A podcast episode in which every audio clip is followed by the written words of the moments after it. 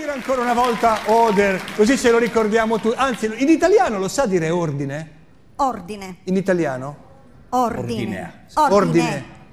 Ordine! John Ordine! John Berkov, grazie.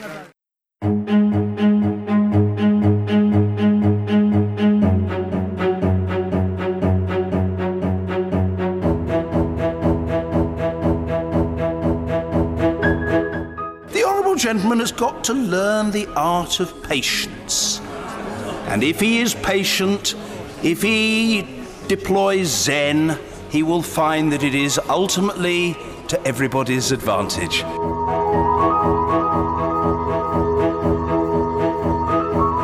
So many seats falling for one party that have been uh, long opposed to said party. I think 97 is the relevant analogy um, because that's when Blair won a whole great sweep of the South and Southeast that had just been beyond Labour's reach for a long time uh, before that. So, you know, that, that's, that's the kind of relevant analogue to what we've seen this time. Wasn't on the whole Johnson on his own who got those voters into the Conservative column in the first place. A heck of a lot of them came into the Conservative column the previous time. What Johnson was able to do is keep them there while the Labour tide was going out. Um, you know, there's whole, there's lots and lots of these red wall seats, and you look at the Conservative vote, it's basically flat, uh, or even down a little bit if there's a Brexit Party candidate standing there, uh, and then the Labour vote's just down a whole heap. Under our system, that that wins you the seat.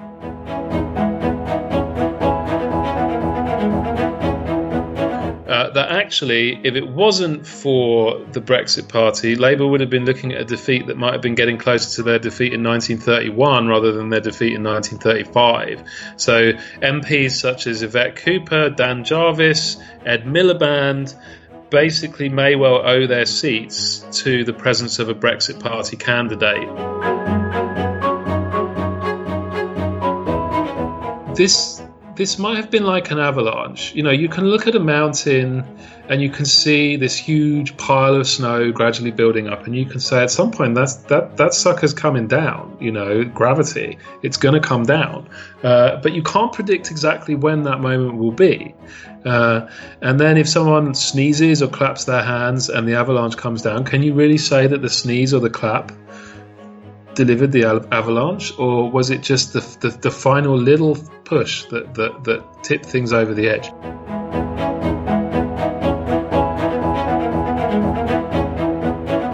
Hi, everyone. Welcome to the SRV podcast. My name is Armen Hakhverdian. I'm a political scientist at the University of Amsterdam. Joining me on Skype, it's our UK correspondent, fresh from his general election coverage. It's Rob Ford. Rob, what's up? Hey, hey, welcome from strong and stable Britain again. Strong and stable? Yeah, yeah, we have the strong and stable government we deserve. I, I don't know how long you have. This is going to be a long one, I, I think. There's so much to talk about. Yeah, it's been um, a pretty uh, historic week. Uh, I mean, the largest majority since Margaret Thatcher's uh, third term in 1987 when I was seven years old. Um, the uh, worst Labour result since 1935 when my dad was six years old. I was just going to say when I was seven years old. so you know, genuinely historic result on um, on on both fronts, and uh, the most extraordinary landslide for the SNP since 2015. Yeah. So, Rob, um, you're going to be writing a book on this election, the Yes. general election of 2019. Now, that's uh, you know, if you're if you're in our business, especially also where we went to college, that's a pretty big deal because this is a hallowed series.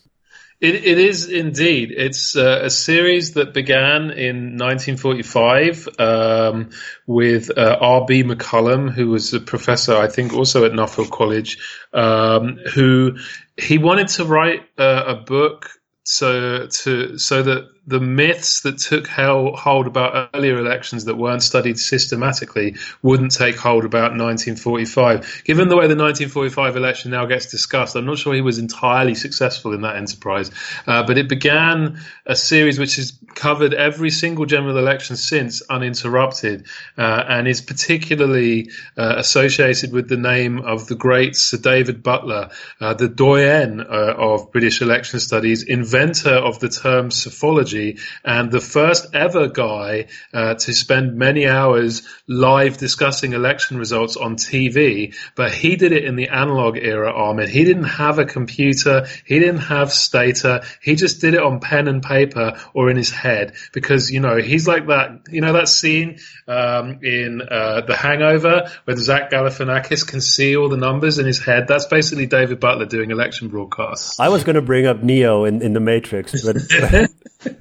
so you know he is of course a hero uh, yeah and also i, I remember uh, back when we went to uh, some of these seminars in our in our graduate days he would be there and his memory was still amazing.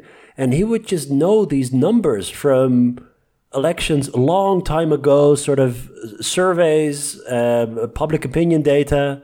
The, the guy was like an encyclopedia of data my, my, my favorite anecdote on that front is I remember like this somewhat eccentric um, and very nerdy Australian professor Simon Jackman uh, came to visit Nuffield uh, and Butler had him in like the JCR and was just pumping him with questions about individual Australian marginal seats because he didn't just have an encyclopedic knowledge of every single British constituency. He could reel off what had happened in like the Sydney suburb swing seats since like 1925. It was insane. Uh, amazing. So I've got a lot of electoral statistics to learn right now. I, I, need to do the equivalent of you know the, the the the spreadsheet equivalent of an Ironman in the next few months in terms of getting up to that kind of standard.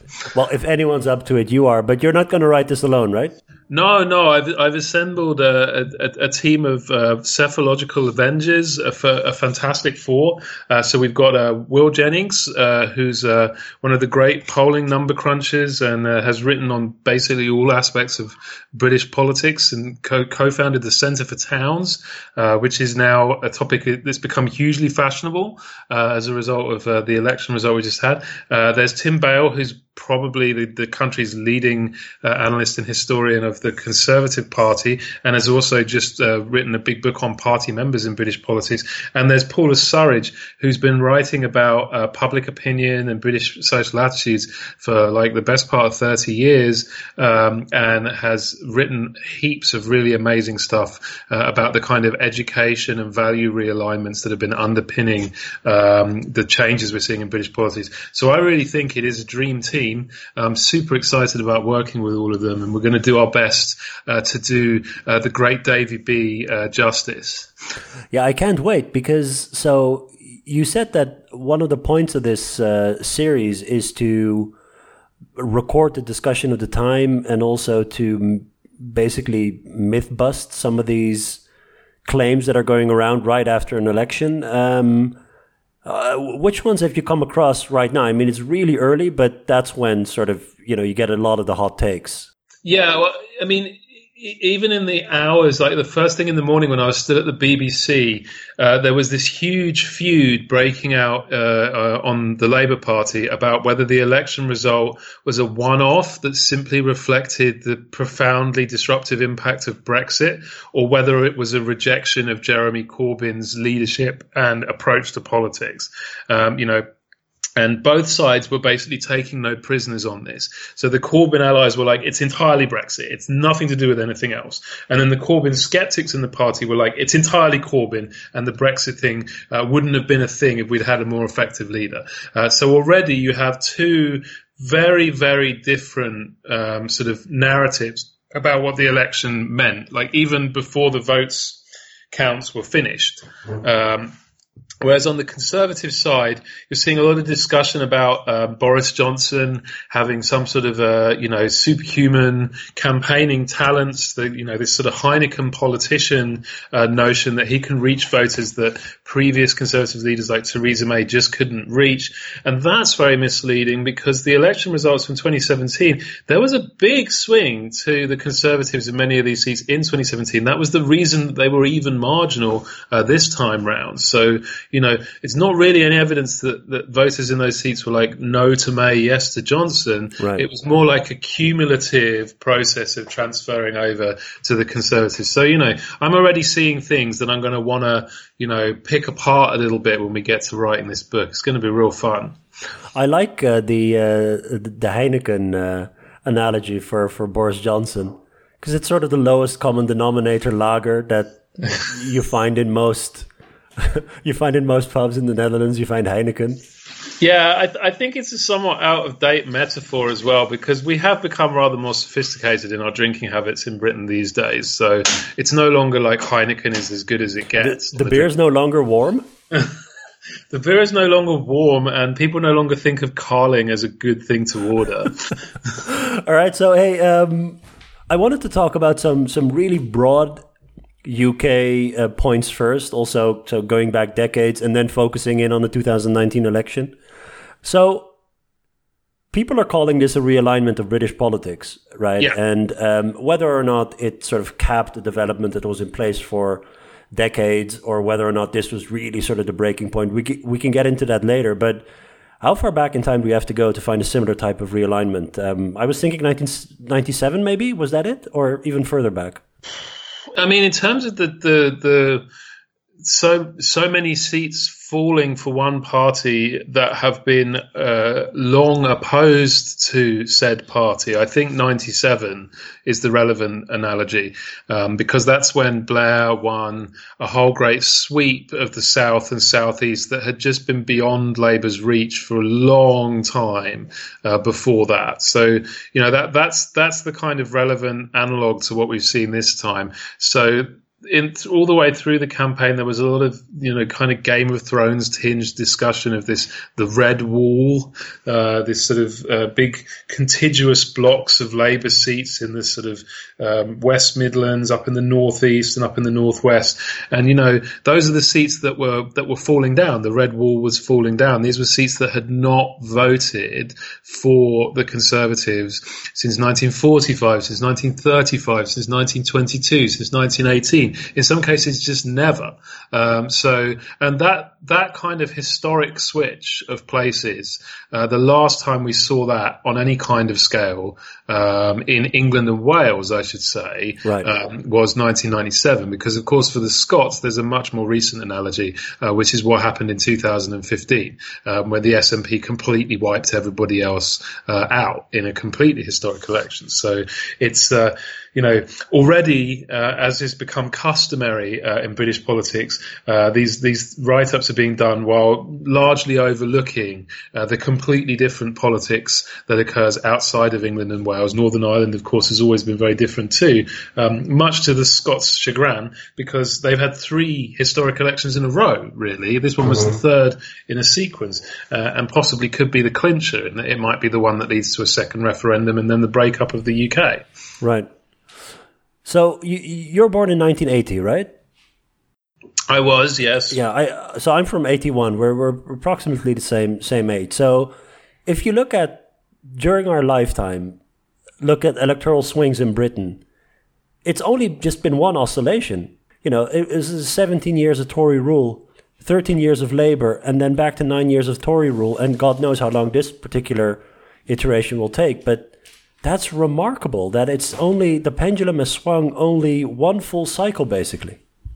Yeah i mean well partly it's uh, well it's not entirely a product of the electoral system because if you take the 30 years before that there was a lot less of that. Um, right, but I think yeah. it's it's it's the interaction of the electoral system and the sort of volatility of the electorate and the behaviour of the parties. So um, I've gone back. There was a there was a documentary done um, just after Blair became Labour leader in 1994 called The Wilderness Years about like why the heck had it taken Labour 15 years to sort of hit a winning electoral formula. Uh, and what the narrative kind of laid out uh, was that after you know losing an election during an economic crisis, the Labour Party reacted by um, uh, uh, electing an extremely radical left-wing leader who, from day one, all the polling suggested was extremely unpopular. Uh, the party then spent years being extremely divided over whether or not to get rid of him. By the time they did eventually get rid of him, they were severely tainted with this image of extremism, and it took them years and years to rehabilitate themselves. Um, now, what was kind of depressing about watching that documentary is observing the same mistakes that we have seen play out over the past four years, more or less identically playing out in the previous generation, with even some of exactly the same people. One of the MPs who kept popping up to defend Labour's new radical stance in 1981 and saying, oh, well, the problem with Michael Foot is he didn't go far enough. We should have had Tony Benn was one Jeremy Corbyn who was elected in 1983 as a radical leftist. So the reason we've had two great big cycles is because our Labour Party in Britain seems to have a kind of self-destructive tendency and a very strong tendency towards internal conflict. And um, it, so both cycles of defeat have been extended by Labour's reactions to defeat. But it isn't as if the Tory party was uh, sort of this paragon of unity. no, that's true. So the the 97 through 2010 Labour government was also most likely extended because the Conservatives also reacted to their most heavy defeat in 1997 by kind of doubling down uh, on a political approach that the electorate had rejected.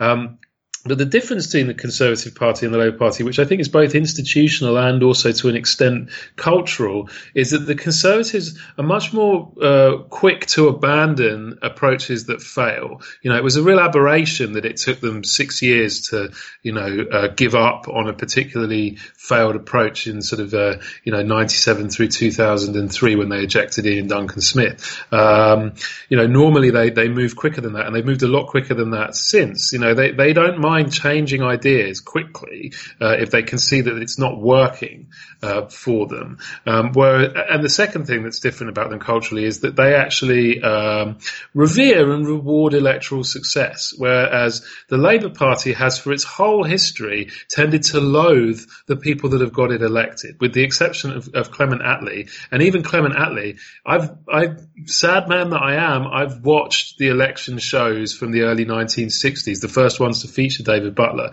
And you get Labour MP after Labour MP slagging off Clement Attlee for being too moderate, compromising too much with the Tories, being too right wing. Sound familiar?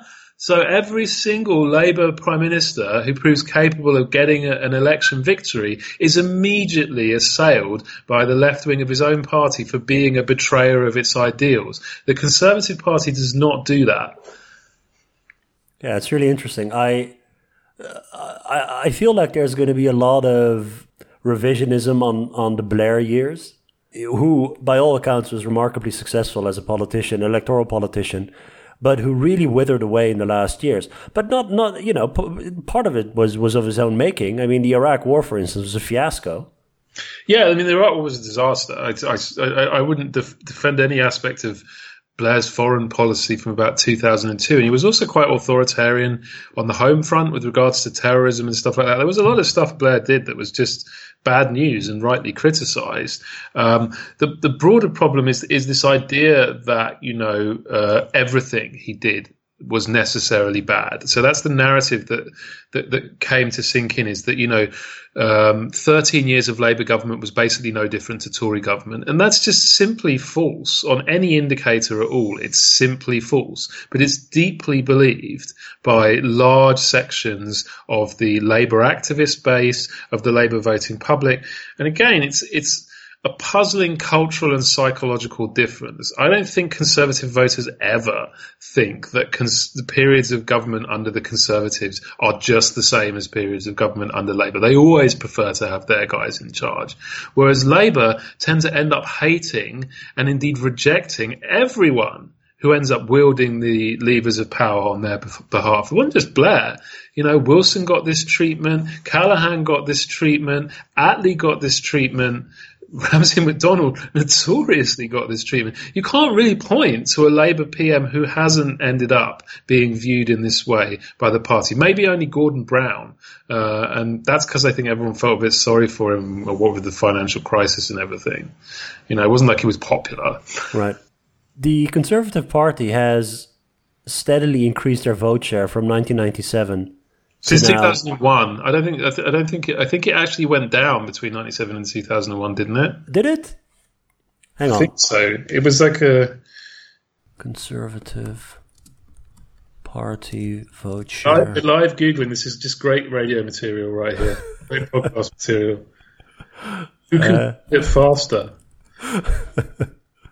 Hold on, listeners. You're about to find out who's going to win. What's the what's the trend? God damn it! No, you're you're right. I think their vote went up slightly. Yeah, right. Yeah, exactly. Yeah, from 1997 to now. Yeah, yeah, yeah. So that means in every single yeah. election It, so since '97, their vote has gone up, which is a really quite extraordinary run. It's unbelievable. Now I'm I'm uh, you know there's there's in in terms of uh, seats um, it's going to be a function of the electoral system, but the vote share going up in you know for for a period of 20 years consecutively. Yeah, including four successive elections in government. Exactly. That's the that's the stunning thing because usually I've discussed of governing stuff. Yeah. Uh, in, but um, so so that's that's uh, one thing. Uh, last final broad point. You've had general elections now in 2015, 17, 19. You had the Brexit referendum in 2016. Yeah. Those are major national elections, all within five years. That's not Yeah, really how. man. right, exactly. I mean, that's not how Lijphart saw majoritarian democracy to operate. You know, I don't think Lijphart expected that like um, countries with FPP systems would start having referendums on hugely important but very vaguely defined constitutional questions. but now you're going to pretty much have a uh, clear run for four or five years, right? yeah, yeah. And you know what we're going to do with it, Armen? We're going to get Brexit done. Exactly. But it'll give you, uh, it, it'll give all you, you political scientists and election scholars, it'll give you some time to reflect. Exactly. You know, it, it helps with the book deadlines, that's for sure. All right. So let's zoom in on 2019. Yeah. God, that, that was the introduction. We're 20 minutes in already. Um, so tell us about your day. Well, uh, the day uh, began uh, t- about ten thirty. I arrived at New Broadcasting House and was escorted uh, to the um, undisclosed underground bunker room where we do the exit poll, um, where they had uh, put like cardboard and stuff up on all the walls so you couldn't, no one could see in, and there was, Was like it the design during the Blitz or what? and they like five sort of fairly burly looking security guards who would check you in and out and would follow you to the toilet. No kidding. Um, so- really? yeah, yeah. They walk in with you and then sort of sit, st- stand there, like watching you. Um, you know, go about your business. They took away your phones, right? Yeah, they took away phones, um, all internet communication. I mean, obviously, we have to be on the internet in order to pick the data up and stuff, but all that's monitored. So, you know, and we had to sign like non disclosure uh, uh, uh, agreements as well. So, if any of it had leaked, the BBC could sue us. Uh, so, you know, it was super tight security. Um, and then we spend the whole day in there. We're not allowed out. So you know, from 10:30 a.m. until 10 p.m. when the exit poll result uh, dropped onto a stunned nation, uh, we were stuck in that little room trying to make sense of it. And at what which point during the day did it become clear that you know we were heading towards this particular result, the historic labor defeat, etc.? It was clear very early on. I mean, it always seems to be the case with the exit poll stuff. Um, the data does move around a bit during the day, but not not by you know gigantic amounts. And in each of the ones I've done, the broad picture has been clear from the first data that we get at lunchtime. So it was clear that this was going to be a result at a minimum that was at the top end of what you would expect from the polls. So it, was, Right, it yeah. looked like the, the, the pollsters who had, um, you know, projected the largest conservative leads were probably going to be spot on.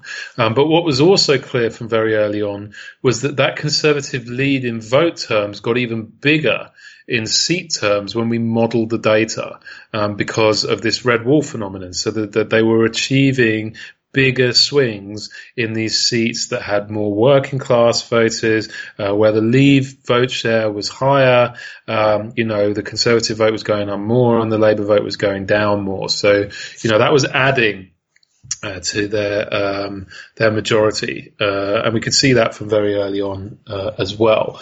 Uh, which is why when the third result of the night came in from Blyth Valley, Right, yeah, I remember that one. I Yeah, was up. yeah. I stayed up. represented by a former miner called Ronnie Campbell, who both sounds from his name and looks like a guy who should be running a seedy jazz bar somewhere, uh, and was re- retiring perhaps to go and run a seedy ba- jazz bar somewhere. Um, that seat had never elected a conservative MP, I think, and they they were trying to win the race to be first because we have this strange thing uh, where like the seats up in the northeast race each other to be the first to declare, and th- th- these guys had like decided they wanted to get in on the race, but then they that they counted the votes fastest, but then it got delayed the announcement because there was a recount, and that was the point where we were like, hey, hang on a second, this seat is normally safe Labour, and there's a recount, uh, that can't uh, be good for Labour. And when they announced, it was um, conservative for the first time ever in its entire history, uh, and that led to uh, the photograph, which was on all the Sunday papers uh, when I picked them up once I caught up on my sleeves, um, which is a sort of jubilant uh, Boris Johnson uh, leaping from his seat um, managing to look epically shambolic as only Boris Johnson can as he sort of leaps in the air um, like a besuited blonde gorilla uh, to celebrate the fall of Blyth Valley um, because, you know, for him, because I'm sure his team include like modelers as well. Uh, as for us, we knew that was the point where this was going to be, you know, there was no doubt really this was going to be a very substantial Conservative victory. Right. So if you look at the uh, vote shares, pretty much all of the other parties won except Labour. So Labour was the only party who significantly lost in terms of vote shares. Now that doesn't tell the whole story, obviously, but it seems to be so. Labour's collapse is what what most people will be sort of litigating over the next years, and God God knows for how long. I have three hypotheses about Labour's collapse, and I need you to rank them Okay. in terms of their explanatory power. What do you think, you know, as of this moment? Obviously, yeah. In, in mean, terms pe- of the Akaike information criterion, like Harold Clarke always used to do. yes. Okay. All right. Here, here are the here are the uh, three hypotheses. First one: Labour lost because they failed to unite the Remain vote. That's the first. The second one is Labour lost because of its hard left economic profile.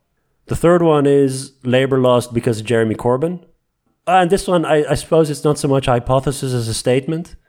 Uh, the British electoral system is a pile of shit. Okay, forget that one. Um, the first The last, three. last one has the greatest explanatory power.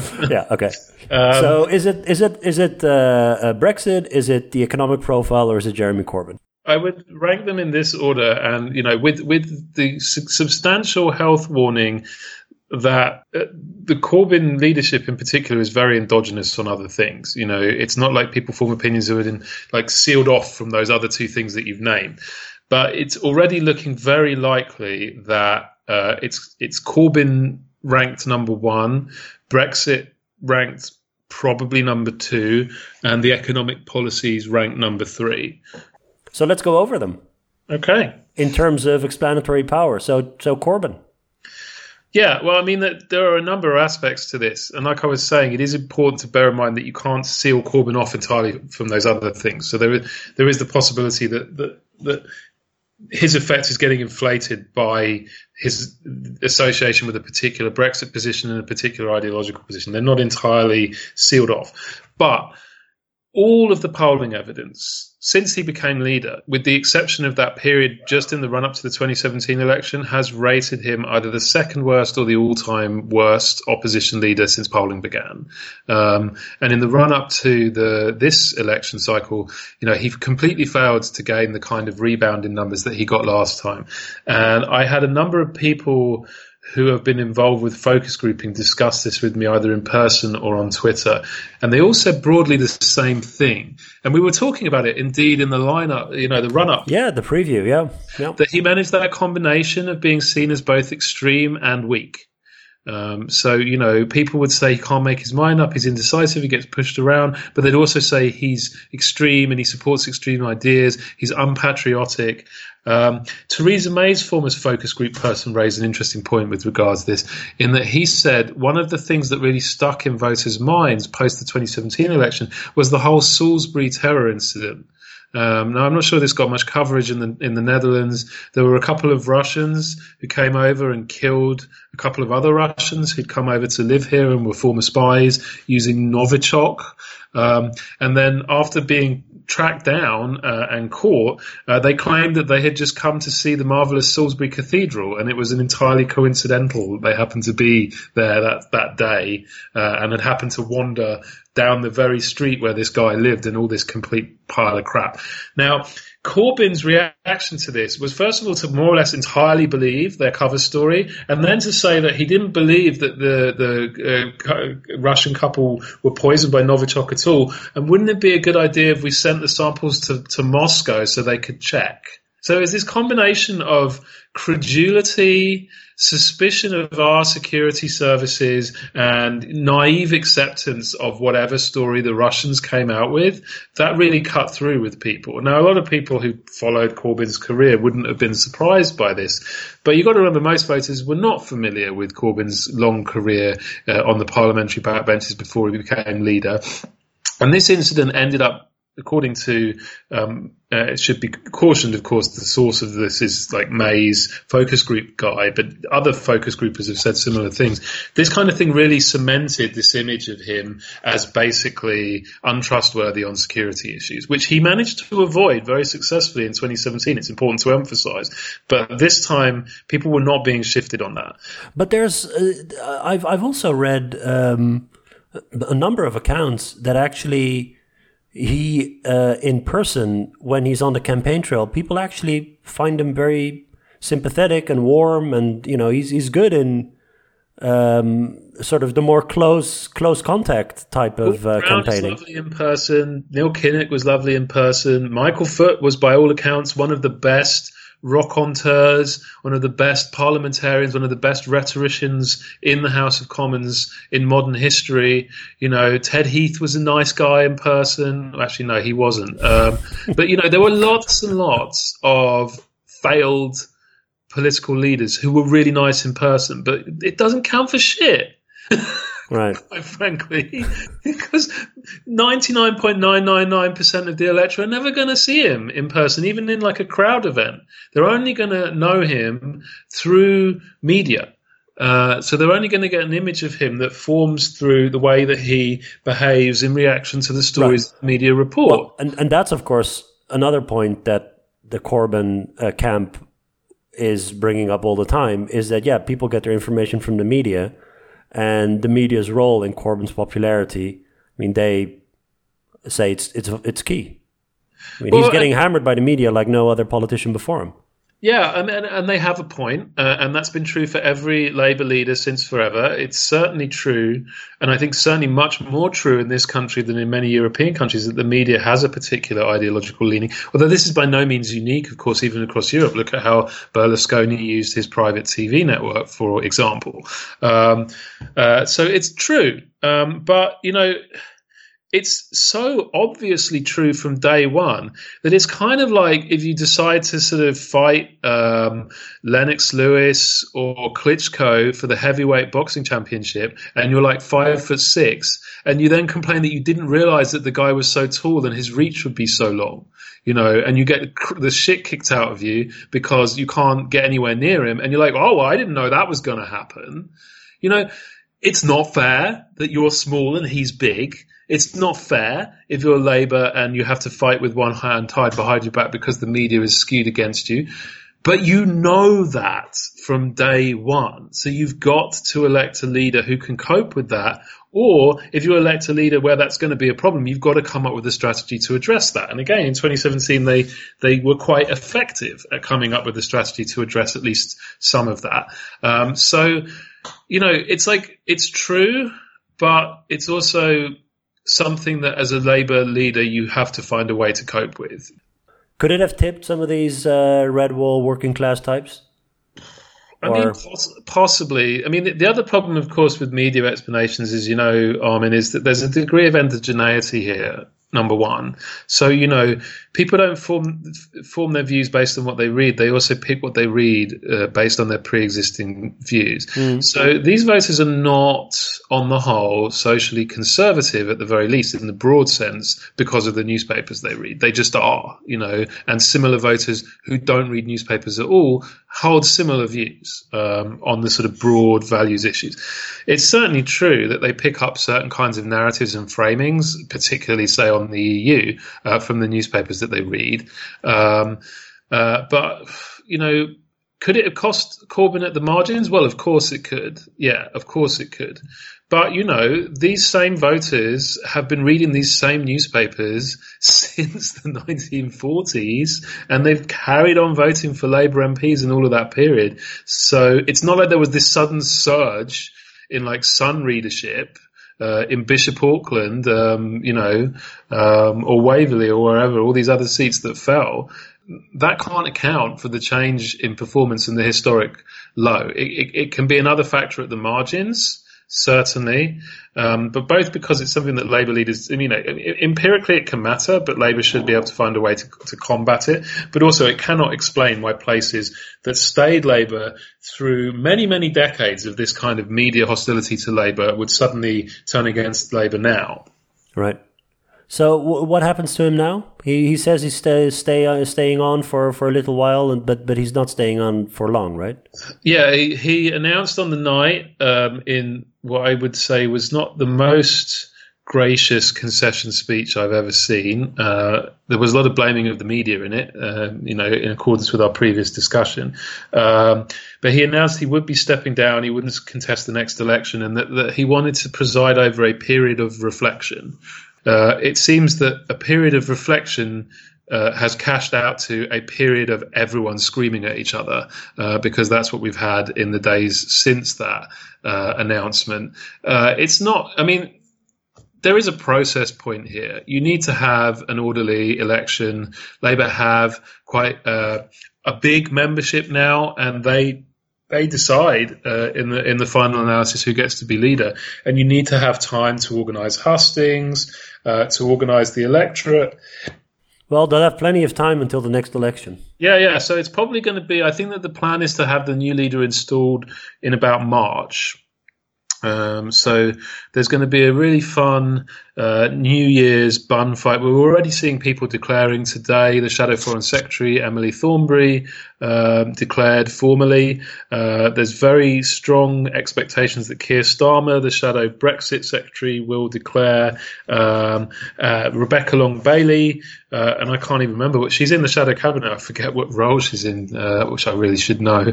Uh, David Butler would be appalled, I'm sure. Um, but she's standing, and she's kind of the anointed Corbyn succession continuity candidate. Uh, she's standing on a joint ticket with Angela Rayner, who's the Shadow Education Secretary. And the really, really interesting question is going to be because the membership is, of course, the membership that elected Corbyn twice by very big margins, very big fans of, of Corbyn. And, you know, one thing that cannot be taken away from him as an achievement is the, the re- reinvigoration of Labour as a mass political party. I mean, you know, we're supposed to be in the sort of post-mass political party era, Armen. Uh, so to have a party that has like over half a million active members is, is really extraordinary. Um, and that was, you know, his achievement, uh, genuinely so.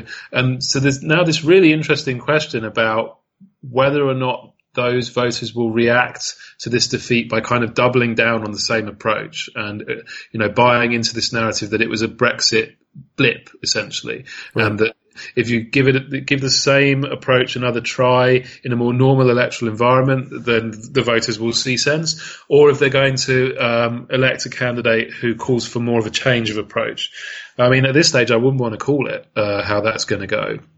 Then the second hypothesis was uh, Brexit. Brexit. If if I had to at this point um, sum up why the election went as it went, I think what I would come up with was, um, you know, uh, that it came down to the Tories unifying the Brexit vote and Labour failing to unify the Remain vote. But that's much too simplistic, probably. Well, I mean, it's it's not a bad shorthand summary of, of what literally happened in terms of when you look at the breakdowns of the vote. Um, the, but there's there's a second uh, sort of caveat I would put, not caveat, lemma or whatever the economists would call it, that I would put on that, um, which is the Conservatives not only unified the Leave vote better, they also held more of their cross-pressured voters. So Tory Remainers were more likely to stay Tory than Labour Leavers were to stay Labour. Yeah, um, this cross-pressuring, that's something that fascinates me to no end. Yeah, yeah. So the Tory partisanship proved to be a bigger pull on Remainers at odds with their party The Labour partisanship uh, was on Labour leavers. And that's another Corbyn effect, in my view, in part. Uh, I think it also reflects an important and I think under discussed difference between Labour leavers and Tory Remainers, uh, which is that Tory Remainers on the whole, did not regard doing Brexit as a disastrously bad thing to do. It wasn't their first choice, but, you know, they regarded it rather like, you know, uh, someone who's a big fan of steak having to go to a vegan restaurant for a few days um, because their ch- their son's girlfriend is vegan. Um, you know, it's not their first choice, but because in the interests of the broader unity of the family, they'll go along with it, and it won't. And in a British vegan restaurant, they'll deep fry things anyway. Exactly, exactly. You can have some deep fried halloumi, everybody's happy. Uh, and except halloumi wouldn't be vegan, would it? Um, battered. So something deep fried. Something battered and deep fried. um, you know, and it was similar for these these Tory Remainers. They were like, you know what, Brexit's not something I want to happen, but the country voted for it. Uh, my party wants to go ahead with it, and therefore I'll, you know, suck it up. Um, and also, uh, I think that Jeremy Corbyn being prime minister would be a much worse disaster. So, you know, when when faced with those two options on the table, Brexit happens, but Corbyn stays out of number 10 or Brexit doesn't happen, but Corbyn gets into number 10, they very clearly regarded Brexit happening as the least worst outcome. Whereas for Labour leavers, it was completely the opposite. Leave was their 100% priority. There was no possible state of the world in which Remain was an acceptable compromise. Um, uh, so they were more like Ron Swanson being presented with the idea of five days at the vegan restaurant. It's just like, no way, no how. I will burn it down if I have to. Um, oh. Um, and that was really, really fatal because the expected leakage, expected, you know, by me, by many other commentators, of uh, Remain seats that was going to like uh, blunt the Conservatives' advance, it just really didn't happen. I mean, they had some seats that became much more marginal, but the Tory Remainers didn't swing away from the party anywhere near enough to, to cost them many seats. Yeah. Um, going back to to the votes, right? So uh, if you look at some of these these graphs uh, or you know the analysis that pollsters did comparing the 2017 vote to the 2019 vote and where where basically the uh, where the voters went um, YouGov had a nice uh, nice analysis where they basically showed that um, a large chunk of understanding the 2019 election is about how the Tories were able to retain their 2017 vote, whereas Labour was not. Yeah. And if you look at where the Labour voters went, they broke about sort of 50 50 to Lib Dems and Tories. They lost about, what is it, 11% of their 2017 vote to the Conservative Party. They lost 9% to the Liberal Democrats. Yeah. Um, it's not it's not as if the conservatives won a whole lot of extra votes, but it's where they won them. Yeah. Um, Yeah, well, that's that's another way in which the sort of whole um, oh, it's all it's all down to the the unique campaigning skills of Johnson and Cummings argument falls down. I mean, retaining a big vote is an achievement in itself, of course. You know, Yeah. big coalitions are by their nature more, you know, they're, they're they're like the heavy atoms on the atomic table. They're more unstable. They're more prone to have bits split off of them. Um, so to hold on to that vote and in fact, you know, grow it a little bit is is a big achievement in itself. But it's absolutely right. It wasn't on the whole Johnson on his own who got those voters into the Conservative column in the first place. A heck of a lot of them came into the Conservative column the previous time. What Johnson was able to do is keep them there while the Labour tide was going out. Um, you know, there's whole, there's lots and lots of these red wall seats, and you look at the Conservative vote, it's basically flat, uh, or even down a little bit if there's a Brexit Party candidate standing there, uh, and then the Labour vote's just down a whole heap. Um, you know, and that's uh, under our system that that wins you the seat. It doesn't matter if you stay still and the other guys go backwards. I mean, early on in the campaign, I was saying that this was likely to happen to both parties, and that this would be like a backwards race. It would be whoever went backwards less would win. Uh, actually, the Conservatives more or less stood still, and Labour went backwards, but it comes to the same place. which is enough. Yeah. If you, if you break down the vote at the individual level by class, nothing happens. Yeah, class is basically dying off uh, as as a predictor of uh, of vote, and of course that's a huge story in Britain historically speaking, um, because you know, and that, that process has actually been going on for, for the best part of 30 years. Um, but early on, uh, you know, in the Blair era and stuff like that, it was partly because more highly educated, socially liberal people were coming into the Labour column. Uh, these days, it's now the opposite that's really driving it. It's uh, uh, voters with few or no educational qualifications who are often very nationalistic, very nativist, um, very socially conservative, uh, very anti-EU. Um, they are all going into the, the right column. Uh, first they went to UKIP, then they went to Brexit, and now they're going to Johnson. Um, you know, and they went to May too.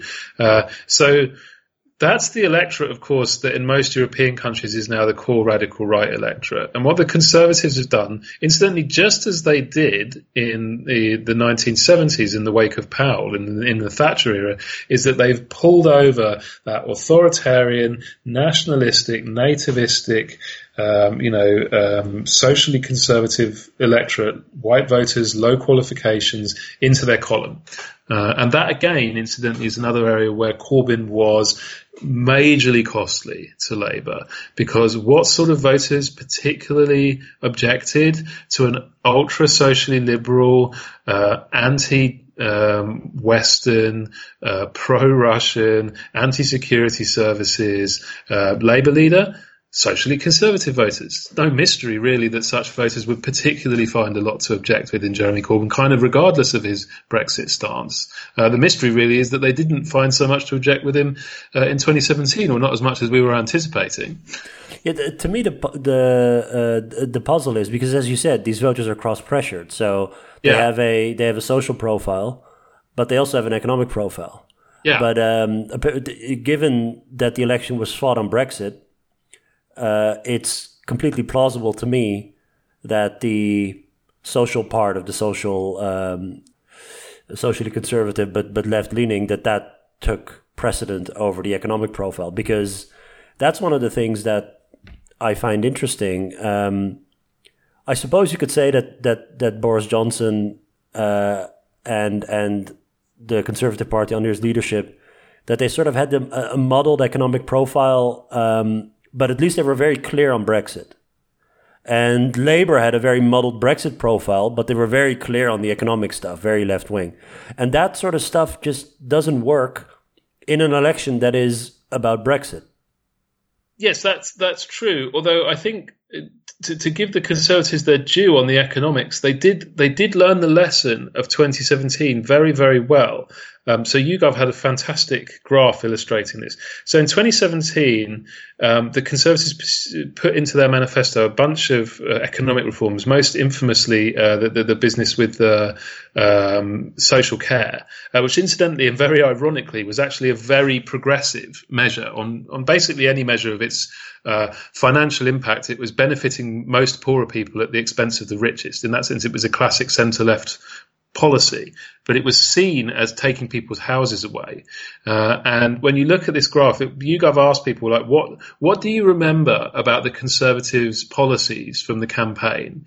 Um, what have you noticed? And in 2017, they noticed this dementia tax business. They noticed that the Conservatives were saying they're going to take free TV licenses uh, away from uh, old people, and that they were going to take free bus passes away, and they were going to take free school meals away. So it was like a series of like mean like Mr. Scrooge style Tories taking stuff away from people that they like. Uh, and mixed up in amongst that was Brexit on about 12% of people noticing that they were going to, you know, do something on Brexit. This time, first of all, and in accordance with your point, 40% of people said the Tories are going to get Brexit done. So it was easily the most noticed thing. So that, that, that total focus on Brexit cut through with the electorate. But the next three things that they noticed was all the Tories proposing to give people stuff, give them more money on the NHS, hire more nurses, spend more on schools and roads.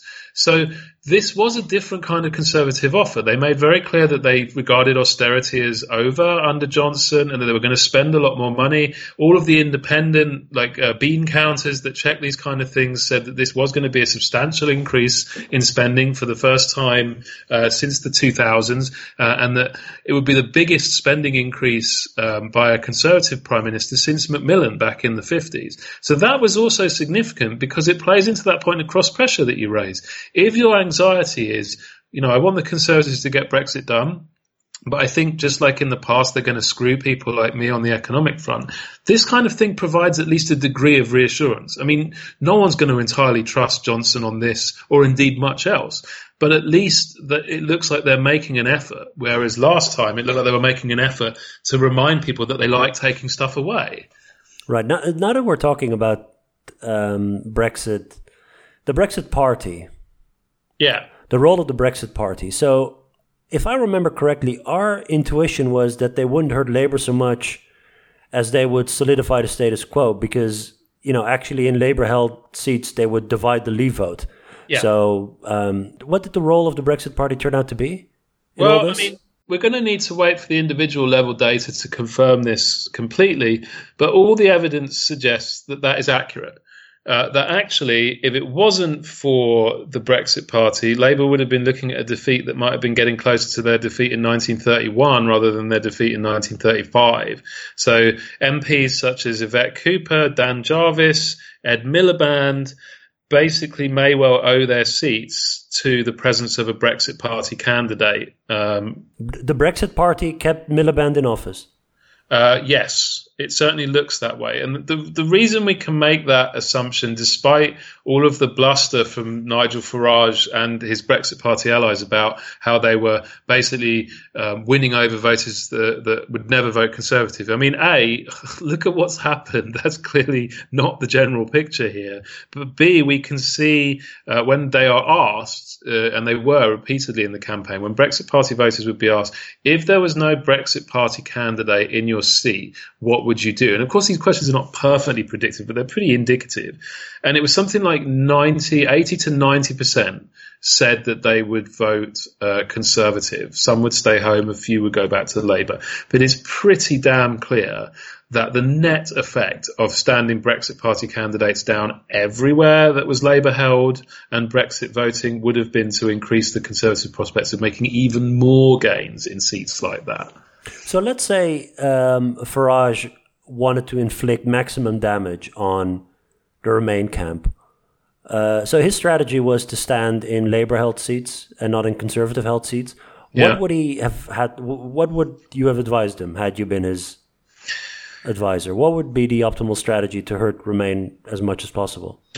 Stand your candidates down everywhere and endorse the Conservative Party. That would have been okay. Yeah, and hope for a peerage. um, that that's that would have been the best. Well, I think so. I mean, I'm not really sure that there are many places where his intervention would have improved the chances. You know, we're assuming here, of course, he wants the Conservatives to win, right? And this is like a Conservative Party that, as you've noted, has completely solidified the Leave vote. Um, so, and isn't winning that much Remain vote, and the Brexit Party is only going to take votes from one side of the Brexit divide. I mean, it's literally called the Brexit Party. for Good sake, um, you know. So I can't see where it would there would be a point in them standing. I mean, maybe if they stood. No, I can't think of anything um, because there's no other Brexit supporting parties other than the Conservatives. The Brexit Party principally hurts the Conservatives everywhere. I was trying to think like, what if there were like Labour seats where some other Brexit supporting party was second? Then the Brexit Party could have divided the Labour vote and helped that other Brexit supporting party. But that doesn't work because there isn't another Brexit supporting party. So no, I mean, like just not standing would have been the best thing he could have done. I think. So also in these red wall states, um, I'm, I'm I'm assuming he got some of the Labour vote in Yeah, those red yeah. wall states, but he also maybe have could have gotten some from the Tories. You're saying that it Well, no, no, no. have- It's or it's it's it's a different point. I mean, it's it's two things actually. The, the, the first is in most of those seats, he will have taken more off the 2017 Tory column than the 2017 Labour column. So that net worsens the Conservatives' position. So that's that's negative effect number one. But negative effect number two is a little more subtle, which is what would those Labour voters that went Brexit Party have done if there was no Brexit Party candidate there? Now, Farage likes to claim they would have voted Labour. Most of the polling evidence suggests Oh, right, of course, most of them would have gone to the Conservative column. So he's both taking votes off the existing Conservative electorate and also stealing votes that would have gone over to them but for his presence. That that's incidentally also the argument that we used to make a lot about why UKIP, contra to appearances, um, hurt Labour in 2014-15. It was because of where those voters would have gone in the absence of UKIP. Um, which is a point that people found really hard to understand.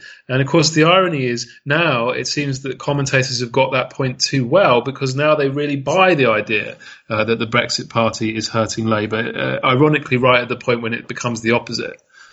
Yeah, because I I saw a piece by Pippa Norris, uh, one of our colleagues, uh, who wrote something along the lines of um, that that uh, that that Farage was was the midwife to. Uh, there was some analogy with. Uh, I don't who buy remembers it. all these things? But the, the, the BES will be able to settle this argument for p- properly. Uh, uh, they've looked at it a little bit in their campaign uh, waves, and they've basically said the same thing that that the Brexit Party vote would skew very heavily conservative uh, if the Brexit Party wasn't available. Now, of course, it's not a one-to-one transfer. Some would have gone back to Labour, some portion, some portion would not have voted at all. But the net gain uh, of standing Brexit Party candidates down basically everywhere is uh, to the Conservatives. Right. I don't know why Pippa Norris is arguing the opposite. It's, it sounds to me like she's fallen into a sort of ecological fallacy trap potentially.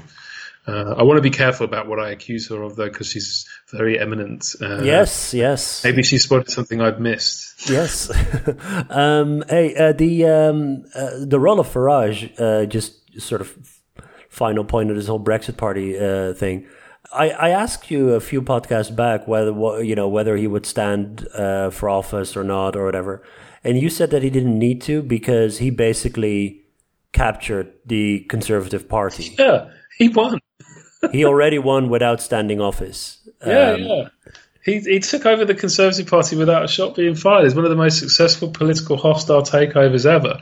Uh, I mean, this is this is incidentally one of the points that Cas Mudde has been making in his new book about the far right. Is that what's different about the far right in contemporary Europe compared to when he started writing about it back in the 80s and 90s?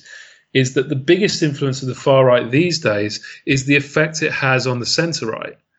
So the centre right tends to shift very much onto the terrain uh, of the far right in order to try and get those votes back, or often get those votes in the first time, because of course you see the same process of transfer in many other European countries. You know, traditional left authoritarian social democratic voters go far right, and then the centre right hammers the cultural, anti-Muslim, anti-immigration, nationalistic stuff and gets a whole bunch of them back. So they've gone centre left, far right, centre right, like that.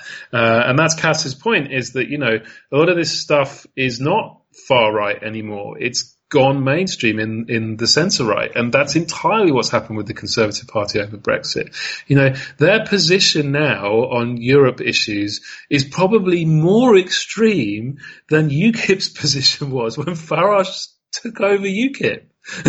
you know, it's it's almost like he's done better than he managed with his own radical right party in terms of how extreme their position now is. You know, Farage circa 2004, I think would have been perfectly happy with a soft Brexit. God, how the how the window has shifted.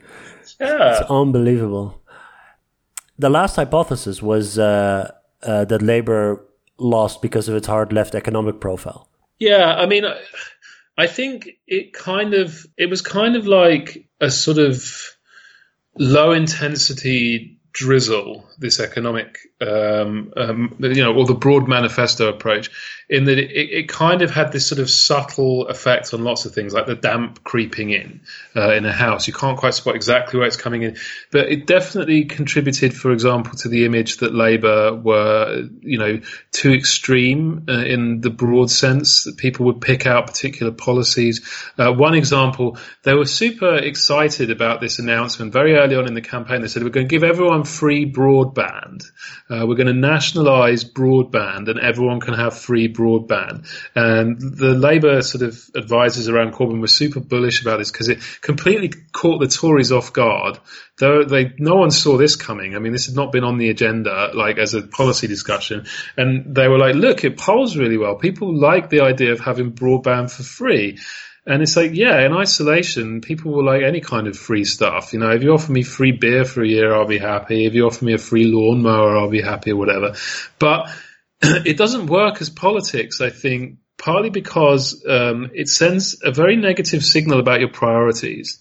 You know, voters will say, well, why the hell are you talking about this? This is not the important issue on the agenda. You know, I, I can afford my basic Sky package just fine, thank you very much. Um, what I care about is the potholes in the road, the fact I've not had a pay increase, and Brexit. And th- this is not addressing any of those things. The other problem is it feeds into that idea of that they're not very competent. Um, you know that that this is what they think is a good offer to make to the country, uh, and a third problem, which, which, actually one of John McDonnell's advisors uh, raised in a post mortem that I was reading today. So clearly, this was a point that was being made internally before this offer was launched. Is think about who actually genuinely stands to gain from free broadband. In a country like this where broadband probably costs like less than £10 a month, uh, people who are basically above, say, the 10th percentile in income can basically afford it. Most people have broadband now. So they're going to be like, that's nice, but it's not necessary. And then the people who can't afford broadband are going to be like, that's nice, but it's definitely not my priority because my priority is I can't afford food, I can't pay the rent, you know. So who's, whose question is this an answer to?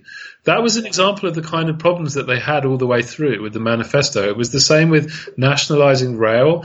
Yeah, people were kind of fine. You know, we think the rail companies suck, but who are rail commuters? They're mainly very well off Remain voters in the southeast, and like nationalising rail is an idea that they like, but they weren't going to vote Labour on that basis. You know, that was not a deal breaker for them one way or another. So that was dumb. Whereas in the kinds of places that Labour lost, you know, the Red Wall, the towns, and that, most people don't take trains they they drive or they use the bus. And Labour did not have enough to say about buses, for example, which could have cut through with those kinds of votes. So, like I say, it's like rising damp or drizzle. It's more like hundreds of tiny little ways in which it just sort of failed and then contributed to these other factors of Corbyn being seen as extreme or not very competent or Labour being seen as out of touch on the Brexit issue. Rather than being a big direct thing, it was more like it was, you know, adding to the rot across the board is best way I can think of putting it. So, is there any combination of the economic profile, the Brexit uh, profile, that could have saved Labour? Given, given that Brexit cuts right across the parties, and about a third in each party supports Brexit, and the other remain, or vice versa, at least the two main parties. Um, is there any way that this was salvageable? So were they simply dealt a bad hand? I mean, I, I know that's a terrible. I mean, it, uh, as a, as a voter, I don't I, I don't want to hear that. You know, you, No, but- you, you make the best of the hand that you're dealt. But it's is it is it possible to make something out of this bad hand? Yeah, yeah, well, quite. I mean, my my, my favourite um, metaphor for for describing Theresa May was that she was both dealt a bad hand and played it very badly. So those two things are different. Um, you know, you can make the best of a bad hand, or you can make it even worse. Um, I mean, to be honest, answering that question is, is going to be one of the central tasks of this book that I now need to write. Uh, so, you know, I'm going to be spending a lot of time thinking about it. I mean, my, my initial thoughts are on the Brexit front. I think a lot of it was it was too late uh, in in many respects by the time we got to the short campaign, uh, and I think there are at least two ways in which that is true. The first is Labour had opportunities earlier in the process to shape how voters saw the choice on offer. Um, this was not entirely external, particularly given the hung parliament. They could have rallied around a particular alternative Brexit, a particular softer form of Brexit. And Corbyn and his team repeatedly refused to do that. They refused to contemplate a softer Brexit that included um, the um, the single market. Then they refused to contemplate uh, a, a Brexit that included the customs union. If the Labour leadership had, in that early period, like second half of 2017, first half of 2018, said, "This is our vision for what an alternative Brexit should look like. This is the kind of Brexit, Theresa May, that we will vote for," then that would be one route to changing the conversation. But isn't uh, so? But but but you're sort of that would sort of mean that you would alienate both the Remain and the Leave faction of your own party, right? At least among the voters, or because you're trying to find this sweet spot between Leave and Remain that simply doesn't exist. I mean, if if they would have gone for a softer Brexit, which was in their 2017 manifesto, wouldn't they have pissed off their their Remain constituency, Well, which is I the biggest part of their constituency? I suppose what they could have paired it with is what they ended up pairing it with in the end anyway, which is, uh, you know, we'll, we'll vote for this subject to a second referendum to confirm it. I mean, they took a hell of a long time to arrive to that position. And by the time they did arrive to that position, the general conversation had moved on. The opportunity to influence the Conservatives had passed. That's my only point. I, I completely agree with you that essentially any uh, alternative scenario that you spool out, like the one I just did, can be contested because it can always be said, yeah, but what about this? You know, that, that was never going to be an easy move for them. You know, I think everyone should accept that the dilemma facing them was deeply, deeply difficult to resolve and that any path uh, would have um, been costly and would have pissed some people off and would have been difficult. All I'm saying is that that's one of the ways in which it was too late for them by the short campaign. That there were various decision points earlier on where they might have been able to exercise greater influence on the process that they could by the time we were into an election campaign about a Brexit deal that had already passed one hurdle at least in Parliament. Uh, the the second issue is the issue of credibility. Now, you're right. Any move decisively in one direction or the other was going to cause Labour to take a hit on the credibility front with one side of the Brexit divide. You know, you push very hard on the Remain side, you, you're going to lose cred with Leavers. You push very hard on the Leave side, you're going to lose cred with the Remainers. The problem is, and you know, in, in 2017 they managed to avoid that by trying to offer people a bit of each, but that they basically burned through their overdraft in this respect uh, on that front over the past couple of years. And by the time we got to the election, they'd lost credibility almost entirely with both sides. And again, that's the issue of timing. If Labour had come out and said, we will vote for the following spectrum of softer Brexit deals in Parliament, but only on the condition we get a second referendum in, say, July 2017, that would have had a lot of credibility with the Remain people because it would have been the Labour Party adopting that position very early on in that conversation and thus signalling that they really meant it, that they were going to sort of give Remainers another shot. But by dragging it out and, and making it look like adding anything remain friendly and adding a second referendum was basically like a trip to the dentist for the Labour leader's office, uh, they lost that credibility. But also, because Leave voters were so opposed to a second referendum, by the time they did concede that point, Leave voters then regarded that as completely um, not credible as well. And they said, well, this, you know, that this long internal campaign in the Labour Party just shows that really they're never going to let it go until they stop Brexit happening. So they ended up burning up credibility with both groups. Now, it's a very difficult question to answer whether or not an alternative approach would have banked more credibility with one side or the other side. You know, if they'd have, if they'd have pivoted earlier, they could have kept more credibility in the bank with one side or the other we we just can't know. It's going to be one of those alternative history questions. It's really hard to know if it would have worked or not. You know, maybe Corbyn never would have been credible with Remainers because of his personal history as a Eurosceptic. We don't know. But it's the other point about why they were kind of screwed by the time of the short campaign because the the the, the coffers were just empty uh, on credibility. The, whatever they said about their desire for a second referendum, voters would just laugh. I mean, again, coming back to the focus groups, the reactions of voters were basically either I don't understand what what it is that they want to do, or I just don't believe any of it. Uh, so they were stuffed by that point.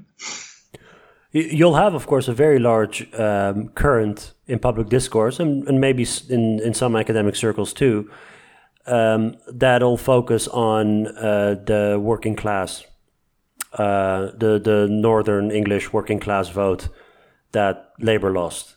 Yeah. Um, but appeasing to them. So let's say they would have uh, gone full in on keeping that vote. That, to me, would have been a strategy that would um, damage them as much with the other camp as you know would secure this this working class vote because it's the same sort of dilemma that all social democratic parties face in Europe and Britain and Labour is certainly not an exception. It's that this this alliance that they've kept in place for the post-war period is simply under enormous strain and is just coming apart. And it's not as if they're only losing the working class vote. Um, if they want to move back towards capturing the working class vote, they'll lose like heaps of votes on the other side that they've Yeah. spent decades and decades and decades in securing. So it's Yeah. not like going to this, I don't know, 20% of their vote that supports leave, sort of going to their position would be a successful one because they'll lose more votes on the other side. Yeah, and that that last point is is worth emphasising because that's getting lost in a lot of this post-election um, discussion, which is very emotive. You know, I mean, if you're one of these MPs that's lost one of these seats, you know, obviously you're incredibly upset and angry at the moment. But there's a, some of them are losing their heads a little bit. I mean, you know. 60 to 70% of Labour's 2017 vote was Remain. Labour is a majority social liberal party now. It'll soon be uh, a majority graduate party. Um, it is dominant, you know, it is Young people? young people, ethnic minorities skew extremely heavily Labour. And if your target is a socially conservative, Eurosceptic, nativist, nationalist segment of the electorate, how the heck do you uh, achieve credibility without that group without antagonizing at least some of those other groups that we've just listed? And, you know, look at some of the seats that Labour did not lose last week. They did not lose Canterbury. They did not lose Warwick and Leamington. They did not lose um, uh, Stroud. I think well, maybe they did lose Stroud. But there was a bunch of younger, more ethnically diverse, and of course they, they kept all of their very diverse London seats with whopping majorities and so on. You know, they can't afford to put seats like that at risk either. And of course, there's also the risk of the third scenario, which is that you go full tilt to win back this socially conservative working class electorate, and they just don't want to hear it. But in the process of trying to win them back, you alienate your other electorate too, and then what, where where are you at? You, you've got nothing. Um, so you know, there's no one in the bank for them here. So yeah, you, you're right. And this this dilemma you, you mentioned, of course, is happening everywhere in Europe.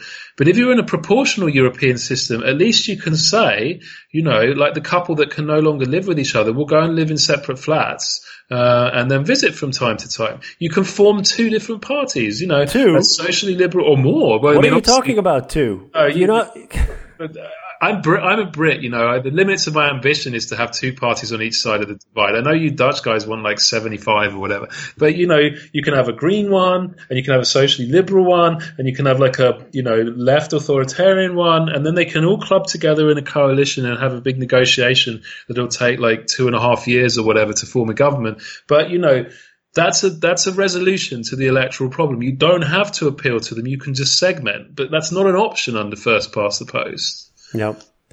So speaking of alliances, now of course uh, the Tory alliance that they've forged, it's a really broad one. It, it, includes some of the richest constituencies in the country, some of the poorest constituencies in the country.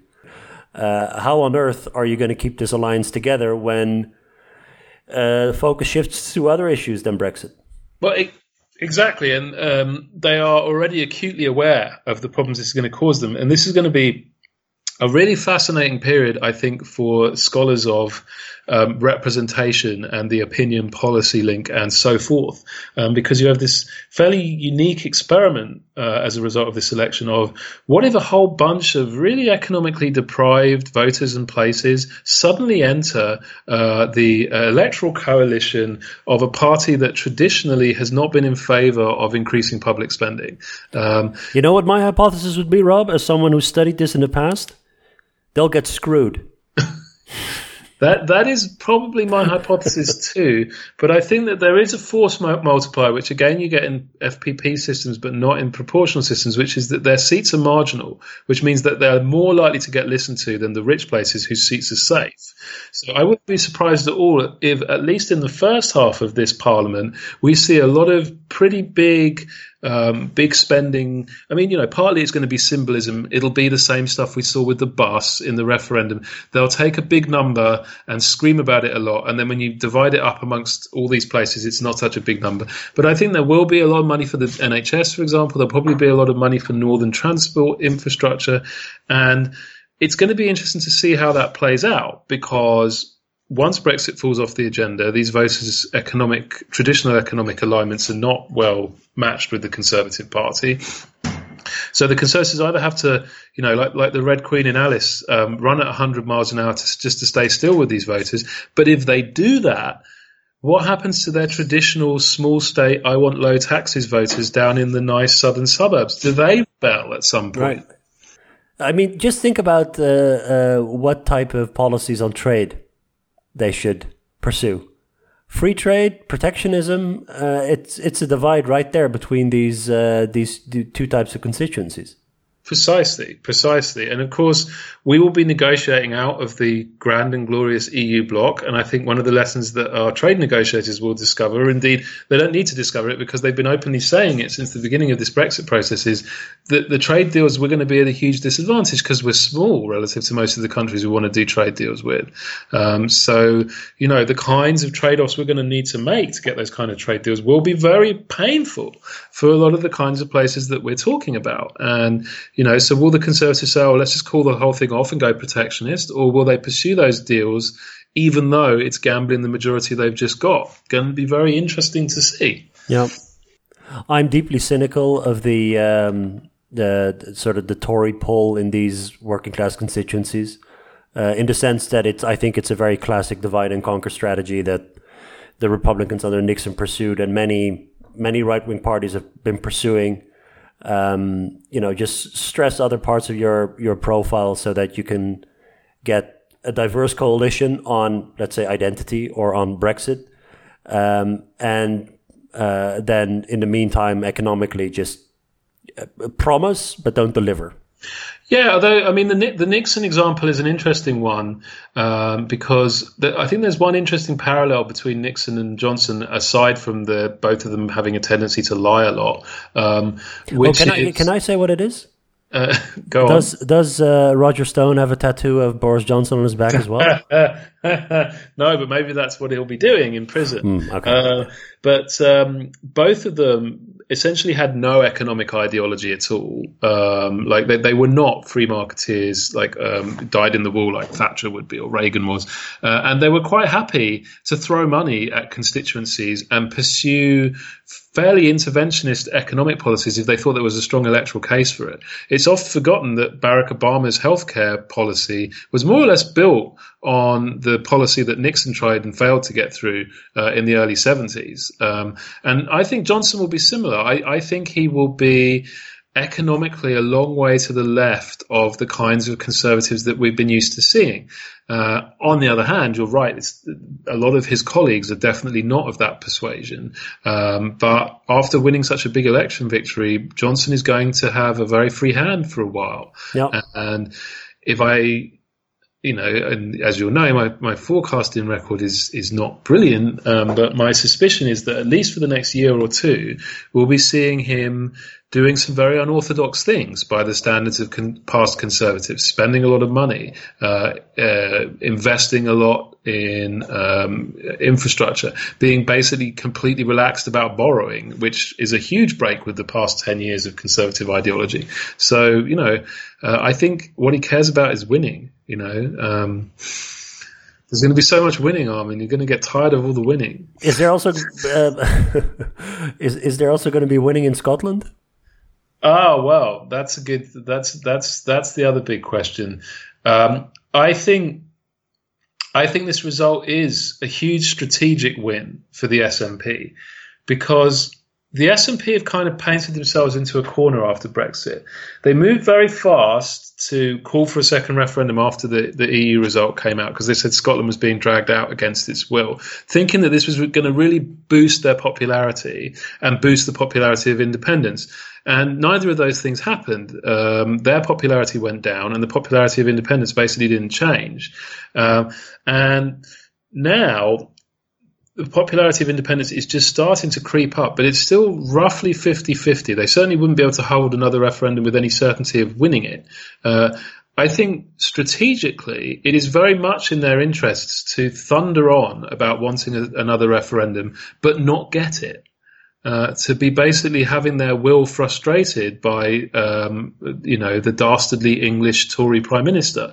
Uh, you know, if they can have five years of that, they might be able to push independent support up to like 55%, 60% or whatever. And then when they have a more amenable Prime Minister or a more amenable Commons, they can push for an independence referendum in much more favourable circumstances. So I, I don't think that Johnson being dead set against it is necessarily bad for them in terms of their long term interests. Of course, who knows what will happen with the um, when the uh, withdrawal deal, you know, passes and Britain crashes to the WTO rules at the end of 2020, or when is it? Like after this transition period ends, uh, yeah. that might be a galvanizing force in in Scotland. Yeah, it could well be. It could well be, and of course they might well just go ahead and unilaterally try and hold a referendum like the Catalans did. But that has backfired for the, the Catalan nationalists, as far as I can tell. I've not been following it closely. There's enough to deal with it in this country.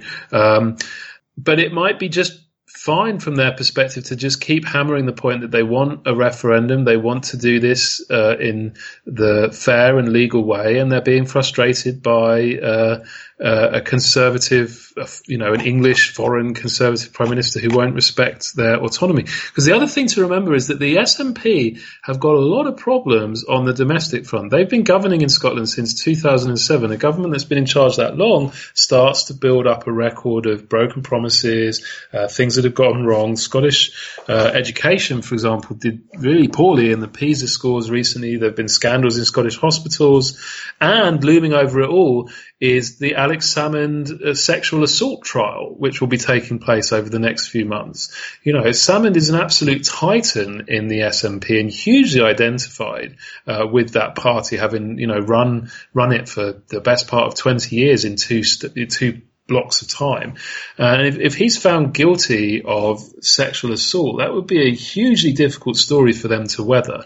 And again, massively helpful if they can steer attention instead to the story of the dastardly English stopping them from uh, uh, having Scotland's freedom. You know, so it is very much in their interests to have a big fight with Johnson, but not necessarily in their interests to win it. Right.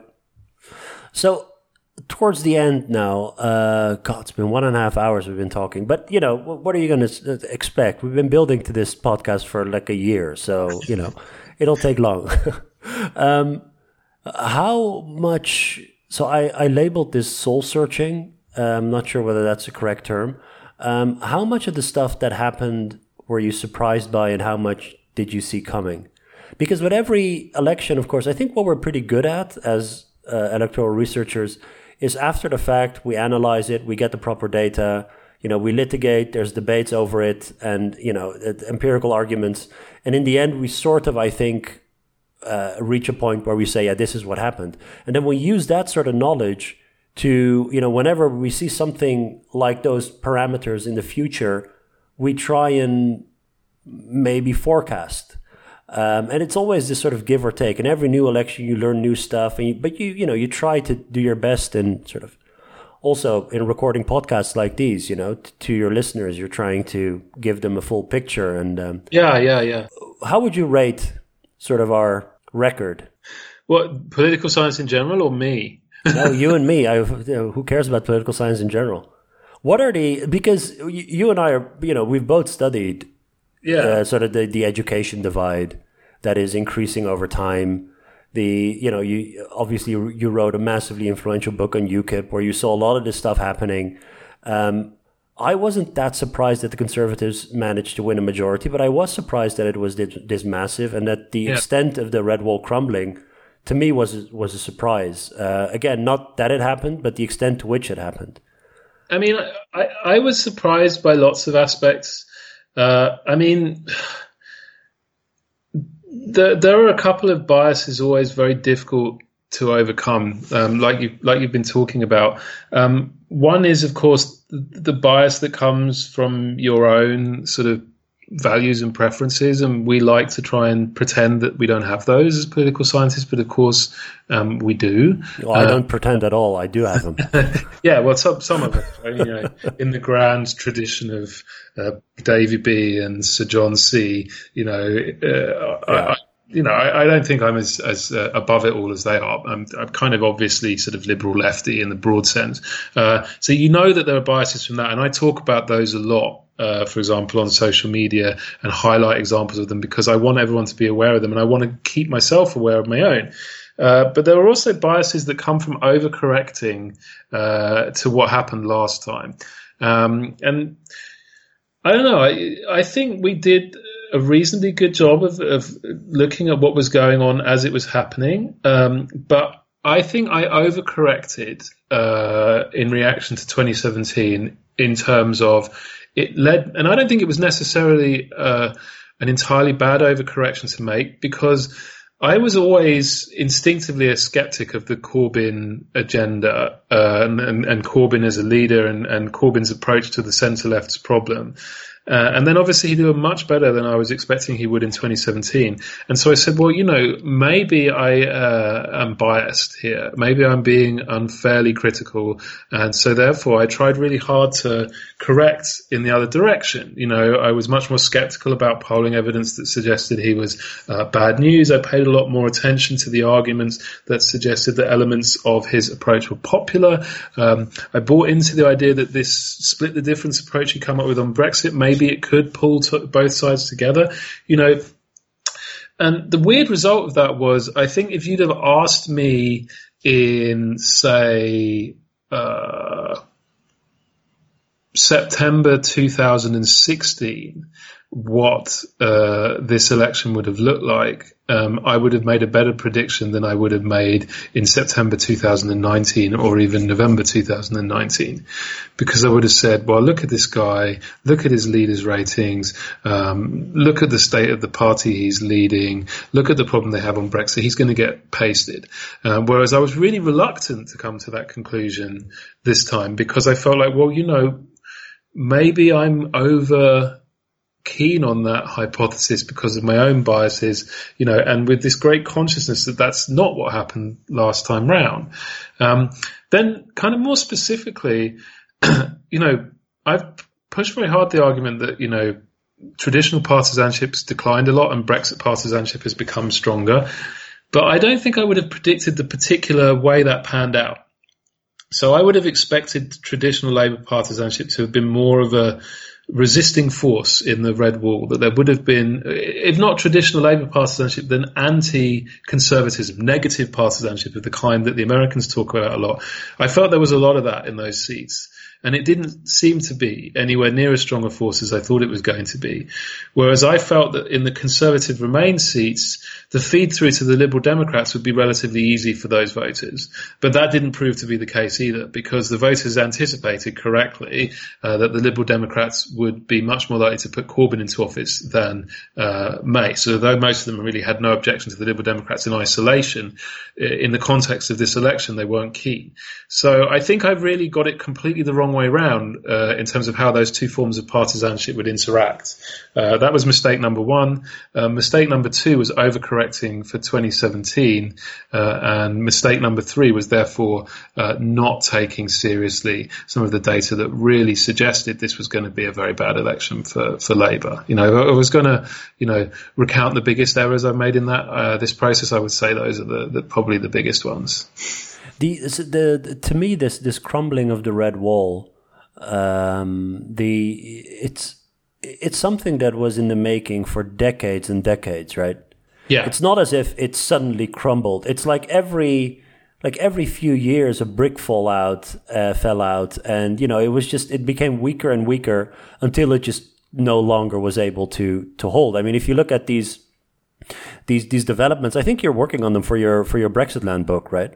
That's right. You'll be able to read a, a very detailed and uh, d- nicely readable, stylishly written account of that whole process. Uh, but next, it's a process that, that that's decades underway.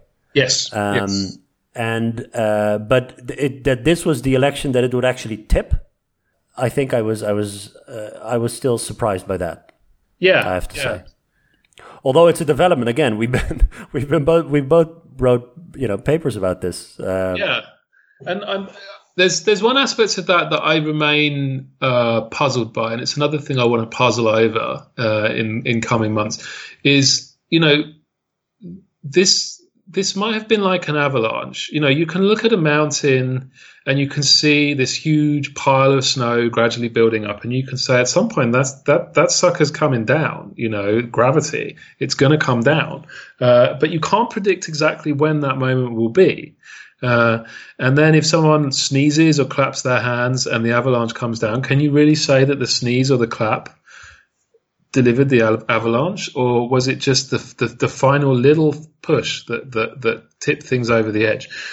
Or is it the case that and this is another thing that I think I probably got wrong, that actually Johnson and Cummings are much more effective politicians that many of us, particularly on the liberal left, have given them credit for at various points. And they just yeah, I'm not ready to go there yet. Well, I think it is a hypothesis worth entertaining. Sure, yeah, yeah, of course. That, that they are, particularly on the messaging front, very good at crafting messages that, that really effectively galvanize and mobilize that that kind of swirling mass of uh, resentments that was building up over over many years. So you know that's the two competing hypotheses here in a sense. was Johnson lucky? Was he just the guy who happened to be there when the avalanche came, or was he skilled? Did he actually you know plant the explosives very carefully and produce the avalanche? Um, and of course, those are not. Uh, mutually exclusive possibilities. It can be a little bit of each, but I think that there are two different angles on this. You know, is it luck? Is it judgment? It's it's interesting to ponder. At the moment, I'm more of the mind that it's a matter of being at the right place in the right time.